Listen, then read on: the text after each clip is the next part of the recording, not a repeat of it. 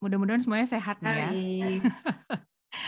Apalagi baik, baik. kita sekarang hari ini di Mix Couple punya cerita yang seru, yang kayaknya relate banget untuk teman-teman yang uh, terutama yang punya anak ya. Dan hmm. uh, judulnya kali ini adalah serba-serbi punya anak dengan ras campuran. Ras campuran loh. Ras campuran, kayak kayak kayak campur. Kalau kalau gue bayangin ya, punya punya anak dari pasangan yang mix gitu ya namanya juga mix couple itu pasti lucu-lucu nggak sih? Lucu cakep cantik kayak anak-anak kalian gitu. Kayak cocok lah jadi model sinetron atau model gadis sampul nih atau selebriti gitu loh. Nah nah ini nih nih anggapan bahwa anak dengan ras campuran pasti cakep tuh tau nggak lo sempet bikin gua khawatir loh waktu gua hamil ya? jadi karena Iya semua orang tuh waktu pas gue hamil ya ketemu bilang aduh pasti anaknya cakep deh soalnya bapaknya kan bule. Beban banget boh buat gue. Gue khawatir ini kalau anak gue yang lahir nggak secakep atau selucu gitu ya dibilang orang-orang tuh kayaknya yang bikin gue deg-degan saat itu. Tapi untungnya ya alhamdulillah anak gue Noah lahirnya lucu gitu. Jadi kan kalau nggak ya, nangis kalau nggak nangis lucu kalau lagi nggak ngadat ya Iya. Tapi kan sebetulnya uh, di balik anak-anak yang lucu itu banyak juga drama dan keribetan nih yang uh, pastilah aku semualah yang orang tua terkait uh, orang tua yang punya anak dari dua negara maksudnya punya keluarga negaraan ganda Ganda. gitu ya yang saat ini gitu. Nah kan um, itu pasti ada keribetan tertentu. Nah ini sering banget nih orang nanya sama aku ya, sebetulnya anak kamu tuh orang mana ya? orang Indonesia atau orang Jerman? Gitu. Hmm. hmm. Anak mana orang mana coba. Tapi bener orang banget gue mau nyambung. Orang Cikadut kalau gue. Orang Cikadut. orang Cikadut gitu. Jadi gue mau sebenarnya gue mau nyambung nih omongan lo uh, Mirah Royadi perihal keribetan itu gue alamin tuh. Jadi Noah ini kan lahir di Jakarta ya, dan waktu dia umur yang 4 minggu tuh kita mau terbang tuh ke Australia. Eh, saat itu Noah udah punya paspor Australia tapi dia waktu itu belum punya paspor uh, Indonesia. Gue waktu itu kan ya gue pikir ya bisa-bisa aja gitulah terbang gitu ya nggak akan ada masalah karena toh dia hmm. udah punya paspor Australia kita akan masuk ke Australia. Tapi ternyata nggak gitu, Bo. Jadi kita tuh sempat ditahan ditahan di imigrasi, diinterogasi oleh pihak imigrasi Bandara Suta. Jadi singkatnya Noah itu secara identitas saat itu adalah WNA, warga negara asing karena dia baru punya paspor Australia ya. Hmm. Tapi hmm. dia berada di negara Indonesia tanpa izin gitu karena dia nggak punya nggak punya visa. Penduduk jadi waktu itu orang imigrasi bilang jadi ah, ah Noah, Noah ini penduduk gelap. Terus gue kayak mikir ya Allah umur dia empat minggu. Buka mata dengan baik dan benar aja belum bisa. Masih belum bisa. melanggar hukum gitu kan. Jadi gue tuh aduh eh, intinya sih panjang-panjang kalau diceritain ya. Tapi hmm. uh, kalau misalkan kita punya uh, anak dari hasil perkawinan uh, beda negara gitu lahirnya di Indonesia terus mau dibawa gitu ya terbang ke luar Indonesia misalkan mau dibawa ke ya. negara bapaknya atau ibunya pastiin harus punya paspor Indonesia selain paspor negara lain itu tadi ya harus punya paspor Indonesia. Hmm. Terus kalau ternyata nggak punya paspor Indonesia harus lapor dulu ke imigrasi. Singkatnya sih gitu ya, singkatnya gitu. Tapi kalau lebih jelasnya silakan bisa langsung ke websitenya imigrasi Indonesia ya imigrasi.go.id. Di situ akan akan lebih jelas deh. Gitu. Ini kayaknya ya ini hmm. jadi duta imigrasi sekarang ya.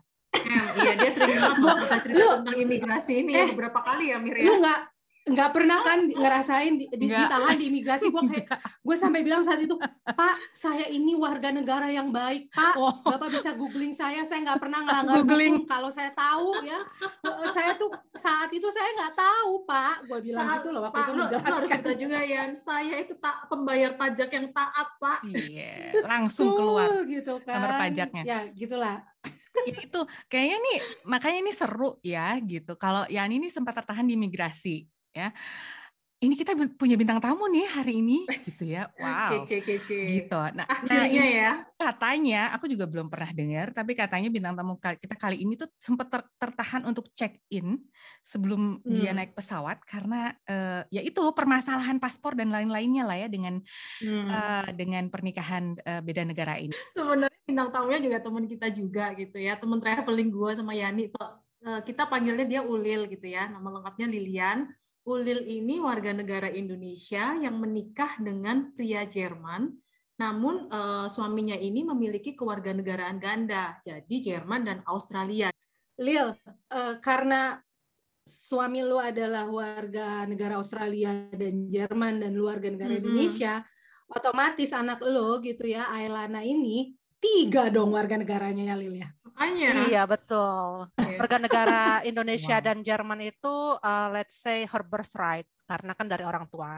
Mm-hmm. Sementara uh, warga negara Australia kebetulan waktu dia lahir uh, waktu status kita sudah permanent residence di Australia jadi dia otomatis dapat citizenship. Ini luar biasa hmm, banget ya. Okay, okay. Terus terus terus tadi cerita okay. aku pengen tahu nih. Ini Yani udah sempet cerita sih. Ulil ini pernah punya pengalaman luar biasa ketika mau check in di pesawat. Gimana itu? Kapan itu sebetulnya? Apa yang terjadi? Itu, jadi kejadiannya waktu itu adalah kita bertiga uh, liburan ke Jerman, ketemu keluarga uh, suami, terus udah selesai nih, udah selesai liburan, uh, pulanglah kita mau balik ke Australia. Nah pas di uh, Munich Airport uh, kan check in tuh, uh, biasalah yang uh, yang maju uh, ngobrol sama petugas check-in adalah suami karena uh, untuk komunikasi bahasa Jerman gitu kan. Sementara gue sibuk ada di situ juga, tapi gue sibuk ngurusin anak gue. Nah terus udah kayak gitu, uh, gue perhatiin ini kok lama banget check-innya gitu dan ngobrolnya itu kayak sempat kerasa lah nadanya itu beda dengan hmm, nada agak memanas biasa, gitu ya gitu, hmm. agak memanas terus hmm bingung dong gue uh, kenapa nih kenapa? Gitu. Terus suami gue bilang iya masa dia nggak nggak percaya kalau lo adalah uh, istri gue gitu adalah ibunya si anak gitu. Hah? Kok bisa? Jadi ternyata adalah karena pas kita check in suami dan anak uh, nunjukin uh, paspor Jerman gue nunjukin paspor Indonesia. Dari paspornya aja udah beda. Terus suami dan anak gue mempunyai nama belakang yang sama Nah, itu nama-nama keluarga suami. Sementara di paspor gue masih nama lahir gue sendiri tanpa nama keluarga suami gitu kan. ya udah.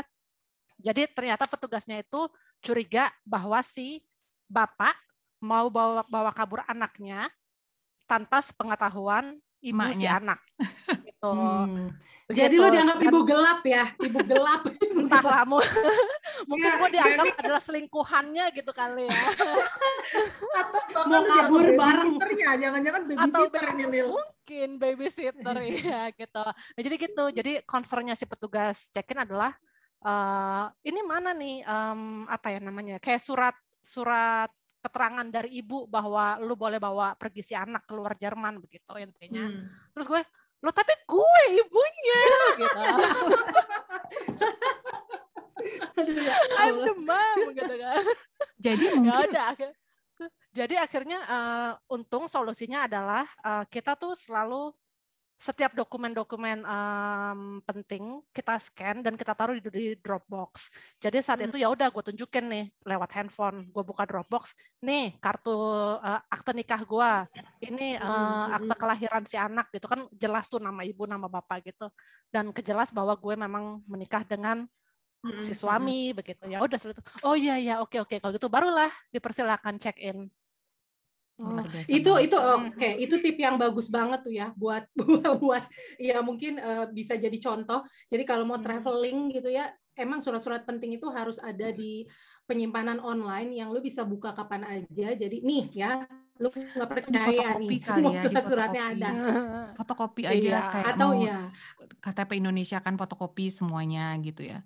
Tapi sedih nggak? Sedih nggak ya? Maksudnya kan kalau lu misalnya dibilang kayak gitu kan lu bukan emaknya ya Allah Iya, eh, kalau gue sih ya gue menyadari sih memang muka anak gue tidak mirip dengan muka gue dan tidak mirip dengan muka suami. Karena kan namanya juga campuran ya gitu. Mukanya bukan muka Indonesia tapi juga bukan muka bule gitu. Jadi ya tapi begitu. tapi ya uh, nih kan selain uh, peristiwa nggak mengenakan di bandara tersebut gitu ya Menurut lu apa sih tantangan terbesar dalam mengurus uh, mungkin terutama dokumen yang terkait dengan tiga kewarganegaraan yang dimiliki si Ailana ini? Paling ribet itu memang soal dokumen ya, birokrasi. Apalagi kita tahu sendiri birokrasi Indonesia berbelit-belit, birokrasi Jerman juga sama eh, luar biasa uh, yang di mana jadi uh, setiap kali uh, uh, dan selain itu um, karena beda bahasa, tiga, tiga bahasa berbeda. Jadi setiap kali kita mau ngurus dokumen, harus selalu ada terjemahan dari sworn translator, penerjemah tersumpah. Oh. Uh, fotokopi semua harus rangkap tiga yang pasti. Bayar paspor harus rangkap tiga.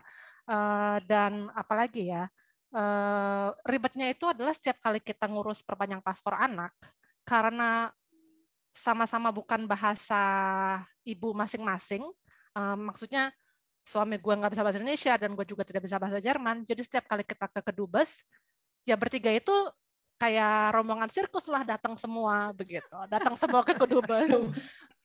ya walaupun memang petugas kedubesnya itu bisa bahasa Inggris, tapi kan mereka lebih fasih menjelaskan dalam bahasa ibu. Hmm, iya hmm, betul betul ya, betul. Ya, ya. Nah jadinya uh, kalau udah urusan uh, nanya-nanya yang detail-detail gitu, ya udah kita uh, pakai bahasa masing-masing lah ke petugasnya masing-masing. Ya. Nah ini Lil, selain ribet ini nggak sih Lil budgetnya membengkak nggak sih dengan kondisi kalian seperti itu? Iya sih, sudah pasti. Ya, uh, ini kan terjemahan tersumpah itu lumayan ya. Oh, mahal banget ya, Bu. Ini lumayan loh gitu ya. Udah dari pertama dari budget bikin paspor yang biasanya cuma satu paspor jadi tiga paspor. Hmm. Uh, budget penerjemah tersumpah juga. Budget uh, fotokopi juga dirangkap tiga semuanya begitu kan. Hmm. Uh, tapi ya, well, it's it's um it's a minor disconvenience. Maksudnya toh itu cuma lima tahun sekali urus perpanjang hmm. paspor, urus birokrasi begitu. Uh, dan soal soal birokrasi, seperti kita tahu, birokrasi Indonesia itu sering banget berubah-ubah. Uh, apalagi di di situasi pandemi kayak sekarang ya, kayak misalnya um, let's say uh, syarat masuk Indonesia lah, syarat masuk pulang kampung itu gimana, itu berubah-ubah terus dari soal visa gimana? atau paspor. Dan udah gitu uh, sekali lagi nggak cuma soal uh, peraturannya, soal orangnya pun uh, petugas lapangan pun mereka juga infonya saling kadang saling bertolak belakang, saling bertolak belakang karena petugas lapangannya juga beda-beda. Yang satu A bilang gini, yang B bilang gini begitu. Dan uh, kalau misalnya let's say kalau ceritanya Yani tadi yang soal Noah nggak punya paspor Indonesia, um, sebenarnya gue ada cerita dari ada dari uh, kenalan sesama yang tinggal di Perth ini juga. Ceritanya hampir-hampir mirip. Jadi itu anaknya itu warga negara ganda dan dia itu uh, hanya punya paspor Australia. Uh, domisili di Australia saat ini hanya punya paspor Australia, tapi dia punya afidavit. Afidavit yang menyatakan bahwa dia juga warga negara Indonesia. Biasanya sebelum pandemi Uh, dia bisa tuh pulang pulang mudik ke Indonesia hanya dengan paspor Australia dan afidavit itu. Tapi dengan pandemi sekarang ternyata anaknya harus punya paspor Indonesia. Jadi ya udah akhirnya terpaksa cancel semua penerbangan dan harus bikin paspor Indo dulu untuk bisa pulang kampung. Ya, amannya mungkin situasi sekarang memang kalau uh, anaknya punya dua atau tiga keluarga negara nih harus dibikin semua paspor negara itu kali ya amannya. Paling aman sih begitu sih. Karena kan paspor ya. itu adalah bukti bahwa lo memang warga negara um, negara yang bersangkutan. Iya, betul betul betul sepakat dengan itu. Terus tapi ada nggak sih Lil hal-hal positif gitu dengan uh, punya tiga warga negara buat Ailana ini? Um, ada sih. Jadi kebetulan uh, dia kan pemegang paspor Jerman, Australia, Indonesia. Dan di uh, indeks paspor ranking itu pemegang paspor Jerman adalah paspor terkuat kedua di dunia kalau nggak salah. paspor Australia itu uh, rankingnya nomor 8. Eh sorry nomor 7. Uh, sementara Indonesia rankingnya nomor 72. Jadi dengan punya paspor terkuat uh, Jerman dan Australia ini yang top 10 uh, strongest passport in the world, uh, yang paling gampang sih kalau kita mau liburan dia nggak usah apply visa ke mana-mana karena sudah sudah bisa masuk begitu aja bebas visa. Iya, seperti hmm. contohnya waktu itu kita sekeluarga uh, liburan ke Jepang yang ngurus visa ya udah cuma gue aja. Iya, emaknya aja ya, emaknya aja yang ribet. Ini sebenarnya berasa diskriminatif nggak sih? Diskriminatif banget kan, Bu? Iya sayangnya begitu, tapi ya gimana ya dengan hmm. paspor Indonesia memang kondisi rankingnya tidak sekuat uh, yang lain ya well I only have Indonesian passport so Iya. Oke, selain uh, itu ada lagi nggak? Selain itu ada lagi nggak Lil? Uh, mungkin lebih ke ini kali ya. Mungkin dengan punya warga negara ganda uh, atau warga negara multiple uh, nationalities, uh, there are more opportunities for her. Like for example, uh, kalau misalnya suatu saat nanti gue memutuskan untuk pindah ke Jerman langsung, uh, ya udah karena dengan statusnya sebagai warga negara, dia punya hak untuk sekolah gratis atau Iya, uh, dapat banget. health benefit gratis atau dan lain-lain. Uh, Dapat dan ini, ya udah. dapat ini ya, dapat santunan anak setiap bulan juga kan kalau di Oh Jerman. iya, apakah gue pindah aja ke Jerman? Oh iya iya. Uh, Iya, karena Bu. statusnya adalah warga negara. Jadi maksudnya kalau ada Oh, istilah gitu. banyak anak banyak rezeki itu sebenarnya di Jerman, Bo. Udah jelas banget setiap anak langsung dibayarin sama pemerintah per bulan.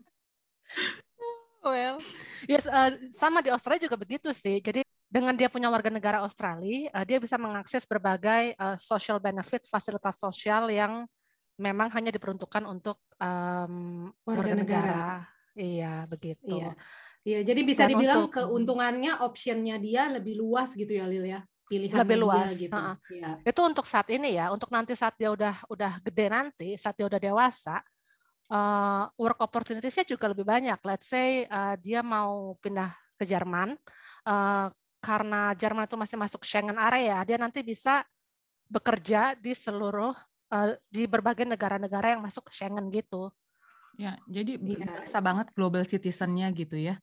Bisa Mhm. kerja di mana pun, sekolah di mana pun. Karena eh, warga negara Eropa Union ini kalau di Jerman juga ya udah eh, hampir sama lah haknya gitu ya dengan orang Jerman juga. Benar. Ya, jadi di balik keribetan gitu ya yang tadi sempat disebutkan gitu, eh, ada juga gitu apa peluang yang bagus dan eh, positifnya memiliki eh, warga negara lebih dari satu gitu untuk saat Iya. ini. Tapi kan nan- nanti mungkin ke depannya juga si anak harus memilih gitu ya eh, Iya. mau warga negara mana. Karena kalau Indonesia kan tidak bisa kita double warga negara. Iya, makanya kita Mhm, berharap sayangnya. kalau misalnya ada yang mendengarkan ini anggota DPRD, eh DPR ya, bukan DPRD, Bo, yang punya wewenang untuk mengubah, dengarkanlah kami. Jeritan-jeritan. Jeritan-jeritan mama ini.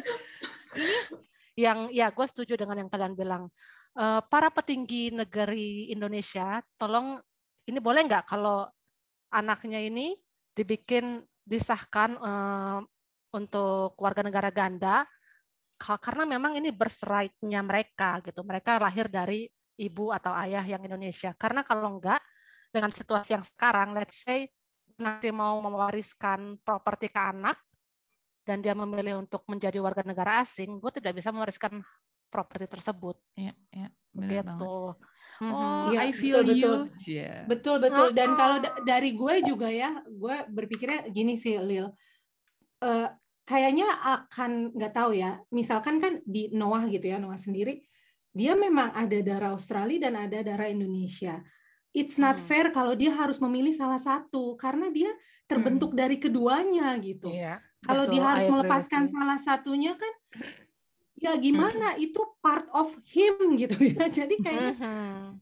gitu Dan deh. dari ya. sejak bayi ya dia sudah apa namanya terbiasa dengan eh, mixed culture itu ya. Iya, maksudnya aku ngerasa ini selalu berusaha untuk menyambungkan Indonesia gitu ya kepada anak ya, gitu ya. Identitasnya, Hmm, makanannya, bahasanya kita we are doing our best gitu ya. Eh, supaya dia punya identitas Indonesia. Sedih banget kan kalau ternyata nanti dia harus dipaksa gitu ya untuk memilih dan ketika pulang ke Indonesia tuh dia jadi orang asing itu sedih banget. Gue ngebayanginnya dari sekarang aja udah oh no. gitu. Iya. Jadi ya mohonlah ya, mungkin perubahan regulasi itu bisa dipertimbangkan. Iya. Kok ini jadi seruan politik ya? Nggak apa-apa deh. Iya ya. eh ya udah deh, gue mau nambahin lagi, ada lagi loh. Secara sistem Iya iya silakan.